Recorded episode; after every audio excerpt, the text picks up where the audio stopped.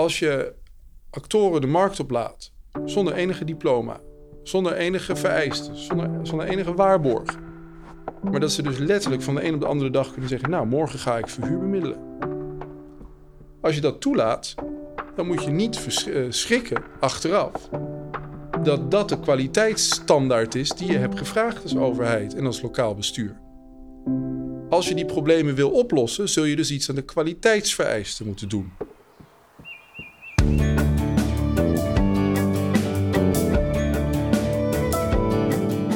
Dit is een podcastserie over de achtertuin van ruim 3,7 miljoen Nederlanders, de provincie Zuid-Holland. Mijn naam is Marieke van Buitenen. Ik werk bij de provincie Zuid-Holland en ben de host van deze podcast. Dit is De Achtertuin.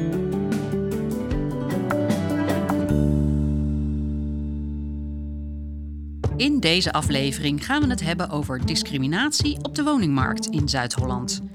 Er wordt veel onderzoek gedaan en er zijn veel verbeteringen, maar nog steeds merken veel woningzoekenden. Deze deur is voor jou gesloten. Um, mijn naam is Lianne Witkemper. Uh, ik werk zo'n vier jaar bij onderzoeksbureau RIGO in Amsterdam.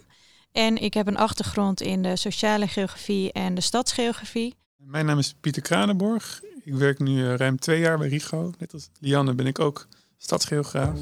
De provincie Zuid-Holland streeft naar een open en inclusieve samenleving met gelijke kansen voor iedereen. Een samenleving waarin iedereen meetelt en meedoet. Daarvoor is het cruciaal dat mensen niet gediscrimineerd worden op grond van persoonlijke kenmerken die niet relevant zijn. In opdracht van de provincie onderzocht onderzoeksbureau RIGO Research en Advies in welke mate er sprake is van discriminatie op de woningmarkt. Met RIGO-onderzoekers Lianne Witkemper en Pieter Kranenborg zit ik nu aan tafel om de resultaten te bespreken. Nou, voor de provincie Zuid-Holland hebben we dus gekeken naar in hoeverre discriminatie op de woningmarkt voorkomt. En eh, dan moet je bijvoorbeeld denken aan een literatuurstudie. Maar we hebben ook een survey gedaan onder woningzoekenden in ehm, de provincie Zuid-Holland. En daarnaast ook veel groepsgesprekken met ehm, bijvoorbeeld makelaars, uh, maar ook hypotheekadviseurs en de woningcorporaties. Ja, en um, we merken eigenlijk ook al dat discriminatie echt wel een belangrijk thema is, ook bij uh, onze opdrachtgevers. Dus we krijgen steeds meer vragen er ook over. Hoe groot is nu het probleem van uh, discriminatie op de woningmarkt in Zuid-Holland? Het is um, best wel lastig om uh, echt met bijvoorbeeld cijfers aan te geven hoe groot het probleem is. omdat we tijdens het onderzoek er wel achter zijn gekomen dat er weinig adequate cijfers beschikbaar zijn. Maar we hebben zelf wel dus ook een um, enquête gedaan onder woningzoekenden in de provincie Zuid-Holland. En daar hebben we eigenlijk uh, mensen gevraagd die de afgelopen twee jaar hebben gezocht naar een woning. Dat kan zowel een sociale huurwoning zijn of particuliere huur of koop. En um, we hebben eigenlijk gevraagd van nou in hoeverre ervaren jullie discriminatie in de zoektocht naar een woning? En toen bleek eigenlijk dat uh, eh, 10% van de woningzoekenden um, discriminatie, of tenminste denkt uh, discriminatie ervaart. En um, als we dus ook alle twijfelgevallen meenemen, dus mensen die zeggen, ja, ik denk dat ik ben gediscrimineerd, maar ik weet het niet helemaal zeker. Als we die groep ook meenemen, dan komt het er eigenlijk op neer dat uh, 40% um, denkt gediscrimineerd te zijn. Dus dat is best wel veel. 10% tot 40%, eh, dat is nogal uh, wat, maar niet heel exact. Hoe komt het dat we geen goede cijfers, exacte cijfers beschikbaar hebben? Dat zit zo. Uh, mensen kunnen meldingen doen bij bijvoorbeeld de politie en bij zogenaamde antidiscriminatievoorzieningen. Maar het blijkt dat de aangiftebereidheid eigenlijk heel laag is. En dat komt omdat mensen het idee hebben dat het geen zin heeft om melding te doen van discriminatie. enerzijds is het moeilijk om aan te tonen. Mensen twijfelen ook vaak dus of het gebeurd is. Hè. Het gaat om een discriminatieervaring, maar mensen weten het niet per se zeker. En daar komt bij dat op de woningmarkt geldt dat als iemand discriminatie heeft ervaren, uh, en die persoon doet een melding, dan krijg je niet alsnog die woning, want die is inmiddels alweer vergeven. Zeker op een schaarse woningmarkt als in Zuid-Holland. Welke bevolkingsgroepen worden getroffen door deze discriminatie? Um, nou, uit ons onderzoek blijkt eigenlijk dat um, vooral uh, leeftijd, geslacht en uh, migratieafkomst er echt toe doen. Um, daar komt eigenlijk op neer dat bijvoorbeeld vooral jonge mensen vaker discriminatie ervaren dan oudere mensen. Um, maar aan de andere kant is het bijvoorbeeld voor oudere mensen blijkt het weer lastiger zijn om een hypotheek te krijgen. Dus dan voelen juist oudere mensen zich meer gediscrimineerd. En ook als we bijvoorbeeld kijken naar zoekers met een migratieachtergrond, uh, die melden eigenlijk zeven keer zo vaak dat hun achtergrond de oorzaak is dat ze bijvoorbeeld een woning niet uh, krijgen. Uh, beduidend minder worden religie, seksuele oriëntatie en handicap genoemd als um, discriminatiegrond. En we hebben deze gronden ook nog uitgesplitst naar woningmarktsector. dus gekeken van nou is er bijvoorbeeld in sociale huur worden dan op andere gronden gediscrimineerd. Maar dat blijkt eigenlijk niet zo te zijn. Dus het is elke keer de leeftijd, afkomst en geslacht. Dat zijn de grootste drie um, uh, gronden waar het meest op wordt gediscrimineerd. Op welke manieren wordt er gediscrimineerd? Of hebben mensen het gevoel dat ze gediscrimineerd worden? Ja, in de literatuur worden drie vormen van discriminatie onderscheiden als het gaat om de woningmarkt of bijvoorbeeld de arbeidsmarkt.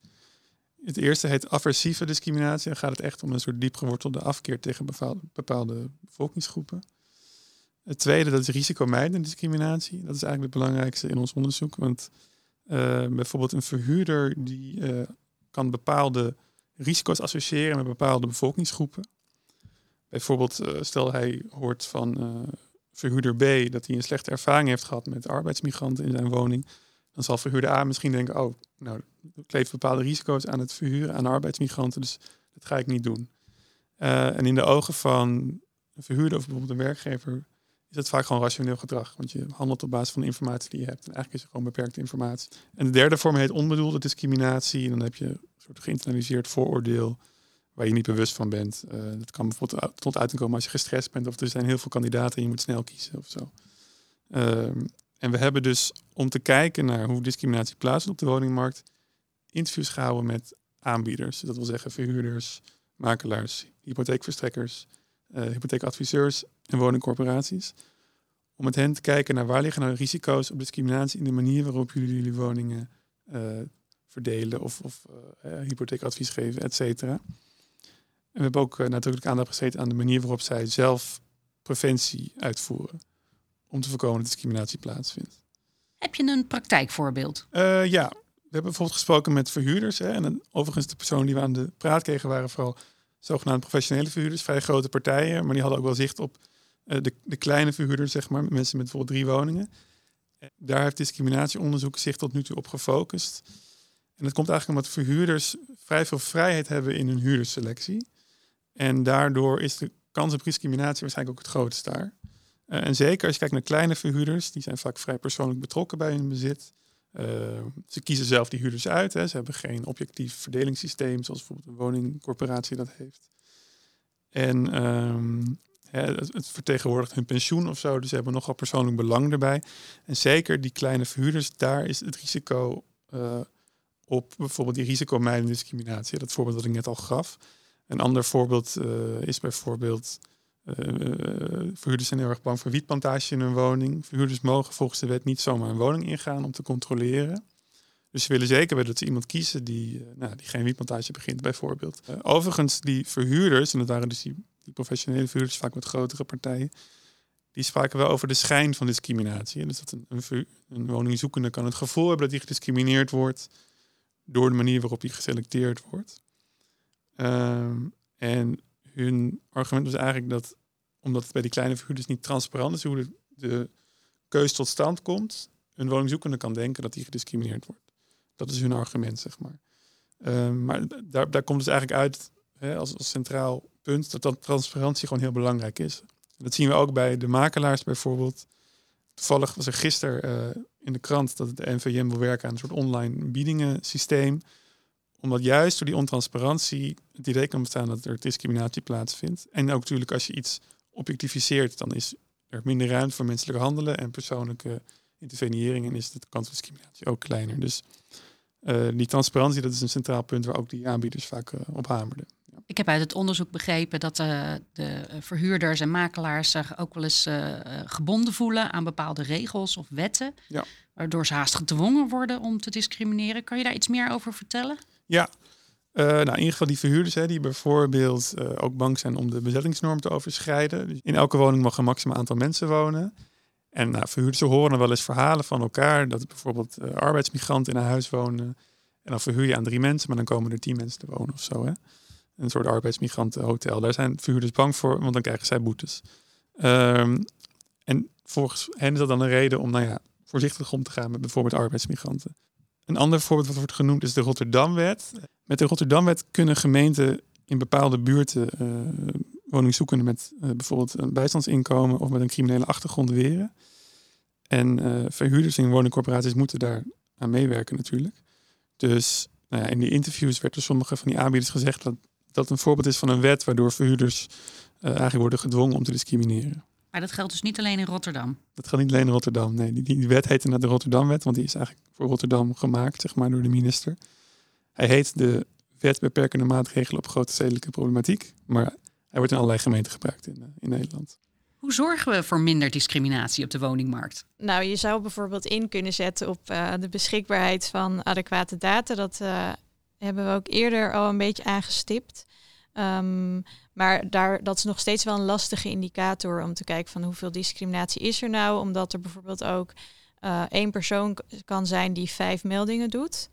Um, dus dat blijft altijd een beetje lastig om die data gewoon goed um, te krijgen.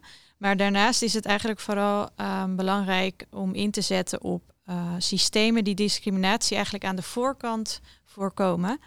Um, daarbij is het bijvoorbeeld handig dat um, in de particuliere huursector bijvoorbeeld, dat er selectiemethoden uh, eigenlijk zo transparant mogelijk worden gemaakt, zodat mensen weten van, nou ja, um, waar moet ik aan voldoen om deze woning uh, te kunnen krijgen. En dus vooral bij de particuliere huursector liggen hier echt kansen, want dat zo'n systeem is er nog helemaal niet. Dan kan er eigenlijk concreet worden gedacht aan een woonruimteverdeelsysteem, zoals ook in de sociale huursector is. En daarnaast kan er ook worden gehandhaafd op bijvoorbeeld malafide verhuurders of verhuurders die veel discrimineren.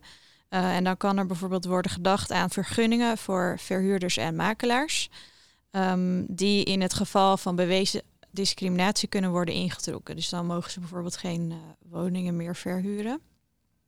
Dus op die manier kan je discriminatie ook uh, wat meer inperken. Wat is de rol van de makelaar?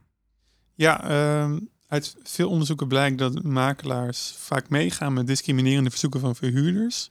Dus ze worden bijvoorbeeld opgebeld door een verhuurder die zegt dat ze geen huurder willen met een bepaalde achtergrond. En dan blijken makelaars daar best vaak in mee te gaan. We hebben ook met die makelaars over gehad hoe dat dan komt. Hè? Wat zijn dan die mechanismen daarachter? Uh, en het blijkt dat zeker als een makelaar wat financieel uh, niet zo sterk in zijn schoenen staat, zeg maar, dan moet hij elke klus aannemen die hij kan krijgen. Er is veel concurrentie. En dat kan dan de reden zijn voor een makelaar om zelfs als hij beter weet, zeg maar, toch mee te gaan met zo'n verzoek. Uh, nu zijn die brancheverenigingen van de makelaardij er best wel veel mee bezig. Maar het probleem is dat ze maar een klein deel van de makelaardij vertegenwoordigen. En zodra ze bijvoorbeeld iemand voor de tuchtraad uh, veroordelen, dan raakt die persoon helemaal uit het zicht. Dus dan. Uh... Die stapt eigenlijk gewoon uit de branchevereniging. Ja, precies. Uh, en er is eigenlijk heel weinig controle op die makelaar. Dus ook al zou de makelaarsvereniging dat willen doen, die willen best cursussen aanbieden, bijvoorbeeld, hè, van hoe ga je daar nou mee om met die discriminatoire verzoeken. Maar als ze maar een klein deel, minder dan de helft van de markt vertegenwoordigen, dan is het gewoon heel lastig. Het is een beetje in het uh, wilde westen in makelaarsland. Ja, dat klopt. Uh, dat hangt inderdaad, het zijn vooral inderdaad de makelaars die niet zijn aangesloten bij de branchevereniging. Daar is weinig zicht op. Dus dat is wel waar waarschijnlijk het grootste probleem ligt. Wat is jullie verwachting voor de toekomst van discriminatie op de woningmarkt? Ik denk eigenlijk dat in de komende jaren dat vooral, uh, daar zijn we nu al heel erg mee bezig, ook met deze onderzoek, om de bewustwording echt te vergroten. Want er zijn ook gewoon heel veel mensen die eigenlijk niet eens weten dat ze discrimineren. Omdat dat zijn echt van die diep gewortelde vooroordelen waar mensen helemaal niet van bewust zijn. En ik denk dat de komende jaren dat daar ligt ook nog wel veel werk, maar ik denk dat we wel goed bezig zijn om uh, dat uh, boven water te krijgen en op die manier toch discriminatie uh, steeds meer proberen te voorkomen. Ja, en ik denk dat we ook steeds meer inzicht krijgen in de manier waarop aanbieders risicomijdend handelen. En als je dat goed in de gaten hebt en weet hoe dat proces werkt, van hoe zeg maar, de aanbieder met zijn woning zijn woning bij de huurder laat komen, bijvoorbeeld bij de huur, dan begrijpen we steeds beter waar in het proces discriminatie plaats kan vinden. Wat dan de drijfveren zijn van bijvoorbeeld verhuurders. En uh, hoe we daarop kunnen handelen met, uh, met beleid dat discriminatie kan voorkomen. Wilde en Pieter, uh, bedankt voor jullie inzichten in dit gesprek. Graag gedaan. Graag gedaan. Er is dus een hoop te doen om discriminatie op de woningmarkt tegen te gaan. Wat kunnen makelaars hierin betekenen?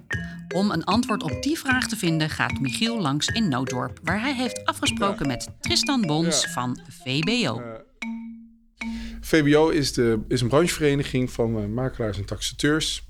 En wij hebben hartige belangen van onze leden, zijn de makelaars en taxateurs.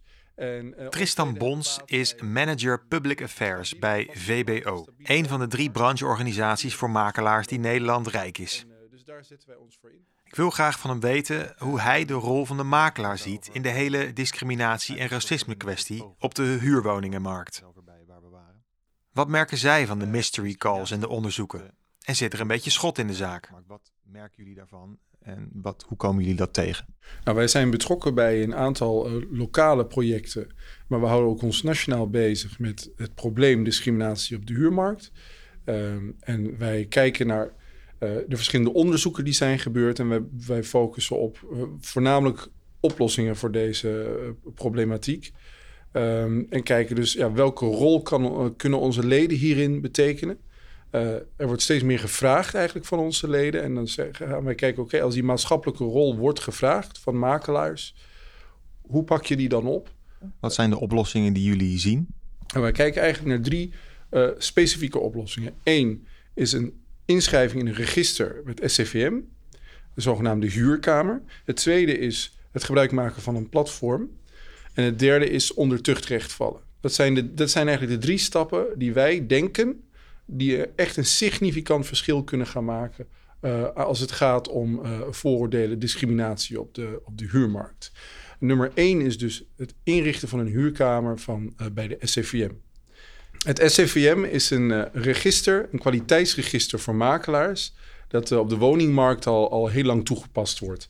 Ehm, en eigenlijk is het raar dat huurmakelaars daar niet of nog niet invallen. Dus hebben wij gevraagd aan SCVM, kunnen jullie ook iets betekenen voor die huurmakelaars? Kunnen jullie daar een huurkamer, zoals dat dan heet, voor inrichten? Nou, dat, dat, eh, dat, dat, dat, daar waren ze enthousiast over. En dat, dat is nu dus ook ingericht. Per 1 januari staat die. Die huurkamer laat alleen mensen toe die voldoen aan een race van kwaliteitseisen. Eh, dus iemand die wil gaan huurmakelen en die wil een, eh, voldoen aan een, aan een aantal kwaliteitseisen, ehm, die kan zich daar inschrijven. Nou, één daarvan is dat je meehelpt aan het voorkomen van ondermijning. Eh, door ehm, eh, een, aan een aantal eh, opleidingen en tests mee te doen. Die ervoor zorgen dat je daarop let en dat je daar melding van doet en dergelijke als er wordt ondermijnd. Dit is om de verhuurder en de lokale besturen daarmee tegemoet te komen. Het, tweede is dat je dus meedoet aan een permanent opleidingstraject. En het derde is dat je ehm, een gedrags- en beroepscode onderschrijft die, ehm, eh, nou ja, waarin je discriminatie en racisme eh, op, op grondige wijze afwijst.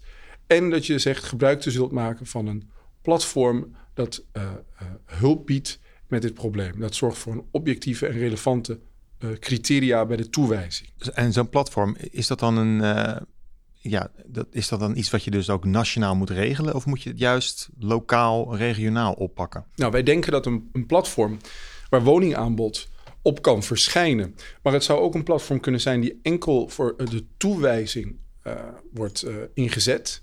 Er zijn natuurlijk genoeg privépartijen die woningaanbod willen aanbieden. Maar hoe zorg je er nu voor dat die toewijzing op een eerlijke, objectieve manier gebeurt? Dus dit zijn twee mogelijkheden. Je kunt ze combineren ook.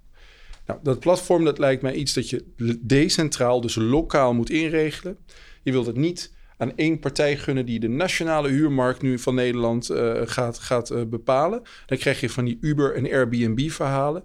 Eh, ik denk dat, dat we onze woningmarkt echt lokaal moeten inrichten.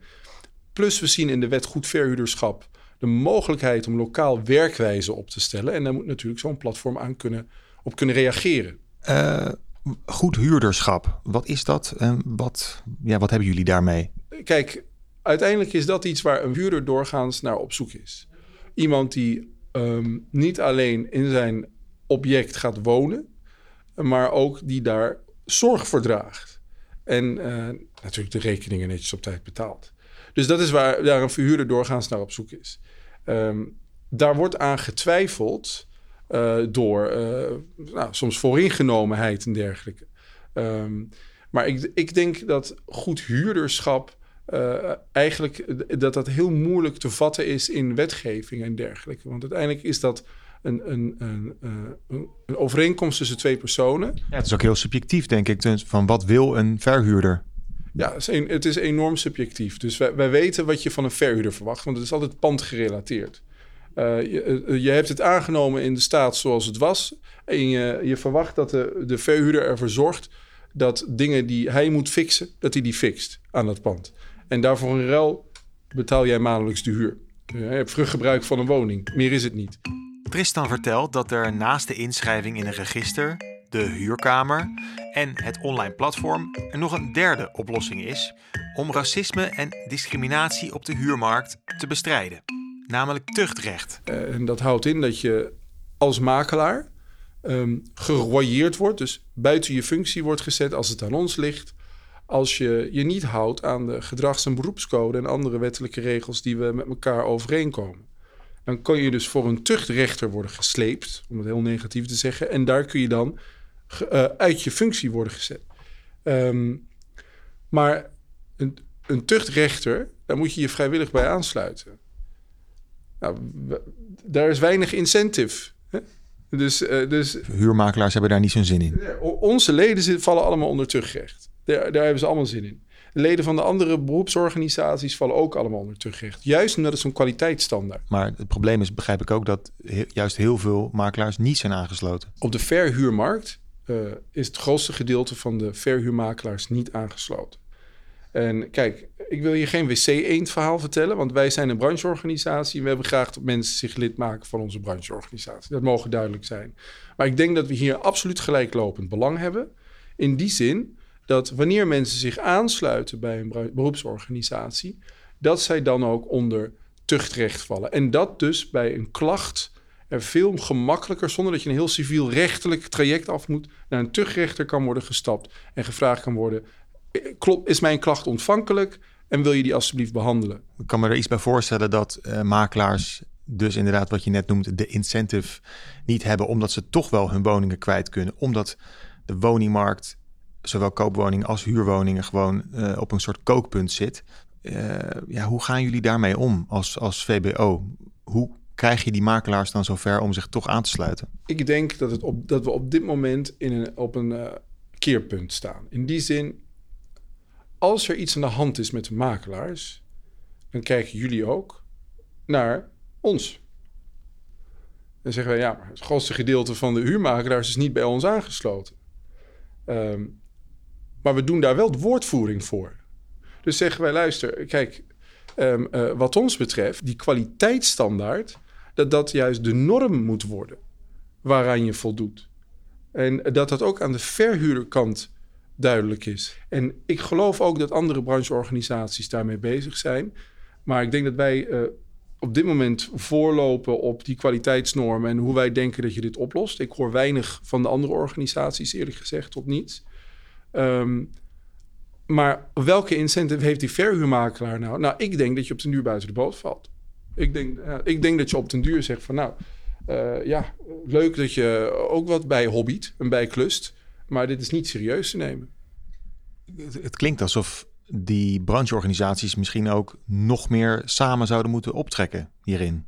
Uh, kijk, er zijn, drie, er zijn drie voornamelijke brancheorganisaties in de, in de woningmarkt. MVM, is eigenlijk meer een bedrijf, maar goed. NVM, uh, uh, VBO en Vastgoedpro. Uh, Vastgoedpro is daarmee de kleinere, VBO is de middelste en NVM is de grootste. Um, wij zijn een vereniging puur sang. We hebben geen commercieel belang. Wij hebben een belang bij een stabiele woningmarkt, een eerlijke woningmarkt. Want dan kunnen onze leden het best hun werk doen. Uh, wij hebben geen grote deelnemingen en bedrijven. Dus wij kunnen gewoon kijken naar het maatschappelijk belang. Samenwerking met andere brancheorganisaties. Wij hebben altijd een uitgestoken hand. Maar dat vertroebelt vaak weer de belangen. Er zijn brancheorganisaties met hele grote bedrijven in hun aanbod, die misschien wel commerciële belangen hebben, die voorgaan op het maatschappelijk belang. Dus ik weet niet of de, de, de discriminatie en de, het racisme wat je tegenkomt op de huurmarkt, of, of, uh, of je dat door alle brancheorganisaties uh, aan tafel te zetten, dat je dan morgen opgelost hebt. Nee, dat probleem is echt wat ingewikkelder in zichzelf. Wij, wij denken echt dat dit nou, in onze generatie gewoon op te lossen is, dit, dit probleem. Ik denk niet dat dit een hele lange termijn exercitie hoeft te zijn.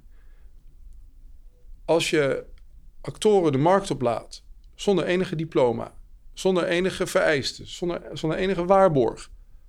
Maar dat ze dus letterlijk van de een op de andere dag kunnen zeggen: Nou, morgen ga ik verhuur bemiddelen. Als je dat toelaat, dan moet je niet schrikken achteraf dat dat de kwaliteitsstandaard is die je hebt gevraagd als overheid en als lokaal bestuur. Als je die problemen wil oplossen, zul je dus iets aan de kwaliteitsvereisten moeten doen. Daar, hebben jullie, daar heeft de overheid bij ons een partner in. Uh, daar hebben de lokale besturen bij onze partner in. Wij roepen dat al veel langer dan vandaag. En we zijn blij dat, nou, bij, ik denk bij de lokale besturen dit is gaan dagen. Want ik denk als het probleem ligt bij de kwaliteit van verhuurmakelaars, dan ligt daar ook de oplossing. Hey, nou weten we dat er veel beleidsmakers luisteren naar deze podcast. Uh, wat, wat zou je tegen hen willen zeggen over, uh, ja, over de rol van, van VBO in dit hele verhaal? En over de toekomst van discriminatie op de woningmarkt en dat tegen te gaan? Ik zou vooral tegen mensen die bij lokale besturen werken, nou, het, in, in, of het nu politiek of, of ambtelijk is, blijf met ons in gesprek of neem contact met ons op. zo niet doen wij het zelf ook wel. Um, omdat wij denken echt dat we dit kunnen oplossen met elkaar. Er komt straks een wet goed verhuurderschap aan. Die geeft lokale besturen de mogelijkheid om een werkwijze te beschrijven voor hoe men om moet gaan met verhuur. Uh, en dan mogen we dus ook naar de makelaar, de verhuurmakelaar, kijken hoe die om moet gaan met verhuur. Um, we zien dat er in de Tweede Kamer allerlei moties zijn gestemd die hier ook op zien. Uh, dus er komt enorm veel op die beleidsmakers af. En wij kennen echt de praktijk. En wij, wij weten ook al welke kant je op moet kijken voor een oplossing. En ik denk dat we dit echt uh, op korte termijn met elkaar kunnen oplossen. Um, met alle hulpmiddelen die we hebben aangereikt gekregen in de nieuwe wet goed verhuurderschap. En ook um, met de nieuwe visie op verhuren die ook in veel lokale besturen is gaan leven. Dankjewel. Ja, graag gedaan.